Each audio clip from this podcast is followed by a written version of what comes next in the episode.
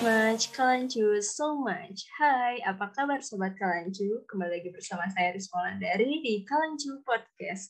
Kalancu Podcast ini adalah podcast di mana segala hal akan dibahas secara tuntas dan menarik.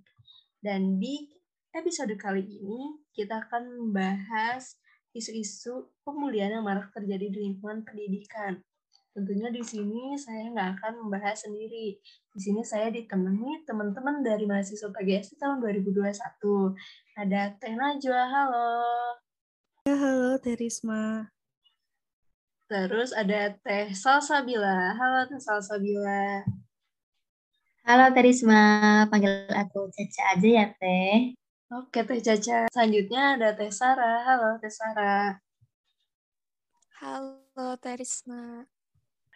Nah, karena di sini kita udah sama teteh-teteh dari PGSD Bumi Siliwangi tahun 2021, tentunya kita akan membahas tentang isu-isu pendidikan ya.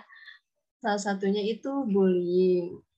Nah, kenapa sih di dunia pendidikan yang sangat positif yang yang tujuan juga untuk membangun anak bangsa ini masih aja ada pembulian. Emang apa sih pembulian itu? Boleh dijawab, Teh? Oke, kalau menurut aku sendiri ya, bullying itu tindakan atau perilaku yang dilakukan untuk menyakiti baik dalam bentuk verbal, psikologis, atau emosional, serta juga bisa dalam bentuk fisik. Tindakan bullying ini bisa dilakukan oleh sekelompok orang maupun perorangan yang merasa lebih kuat secara fisik dan mental bila dibandingkan dengan si korban.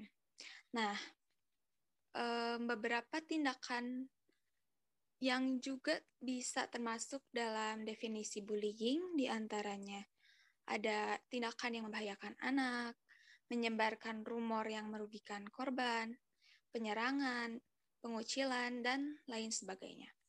Kalau menurut aku sih ya, kadang bullying ini um, sering dianggap bercanda gitu sama si pelakunya. Nah, ini yang paling apa ya, yang paling bahaya gitu. Karena si pelaku tuh gak menyadari gitu uh, perbuatannya sama letak kesalahannya tuh di mana gitu. Dan perundungan ini sendiri tuh gak boleh gitu kita anggap sebagai apa ya masalah yang masalah yang mudah gitu.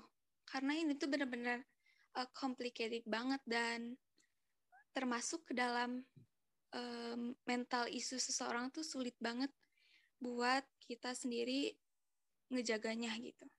Itu sih kalau menurut aku. Nah kenapa sih bisa ada kekerasan non verbal sama verbal itu?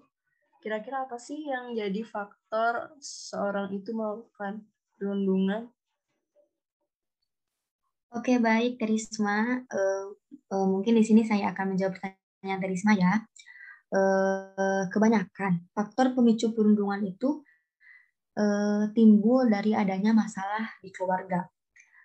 Ketidakharmonisan di rumah membuat anak kurang mendapatkan kasih sayang dari orang tuanya. Renggangnya komunikasi antara orang tua dan anak akan melemahkan kontrol orang tua terhadap perilaku anak mereka korban bullying atau perundungan ini lebih rentan untuk melakukan hal yang sama terhadap orang lain dibandingkan dengan anak lain. Masalah keluarga dan trauma kemudian akan menimbulkan stres pada si pelaku. Nah, faktor yang kedua karena maraknya geng atau kelompok di lingkungan pendidikan. Pertemanan menjadi salah satu faktor adanya bullying di, di lingkungan pendidikan. Oke. Nah, ngomong-ngomong tentang pembuli, kenapa sih di dalam pembulian selalu ada aja korban dan saksi yang tutup mulut dan enggan untuk akad bicara? Kenapa sih korban dan saksi itu nggak mau pada speak up? Itu dalam pandangan saya itu mungkin karena mereka itu merasa diancam oleh sang pelaku atau mungkin ada trauma tersendiri, jadi mereka tidak ingin mengungkit lagi hal tersebut, sehingga mereka tetap keep itu untuk diri mereka sendiri. Kira-kira untuk solusinya itu seperti apa ya? Kalau untuk solusinya sih, kalau misalkan traumanya dia masih dalam tahap yang rendah ya, bisa diajak untuk berdiskusi um, oleh orang terdekat, jadi bisa untuk berbagi cerita juga tentang apa yang dia alami, sehingga dia bisa merasa nyaman untuk menceritakan hal tersebut.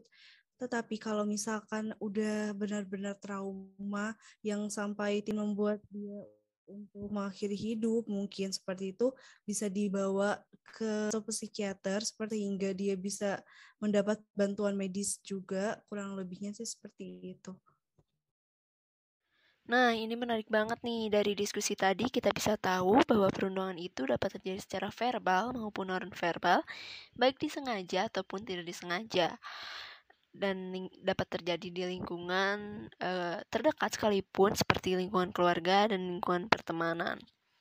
Dan untuk korban yang mengalami pembulian atau saksi yang melihat, jangan takut untuk speak up, untuk membicarakannya kepada pihak yang terkait atau pihak yang sudah berpengalaman. Stop bullying karena semua orang itu berhak untuk merasa berharga. Nah, nggak kerasa nih Sobat Kelancu, kita udah ada di akhir pertemuan.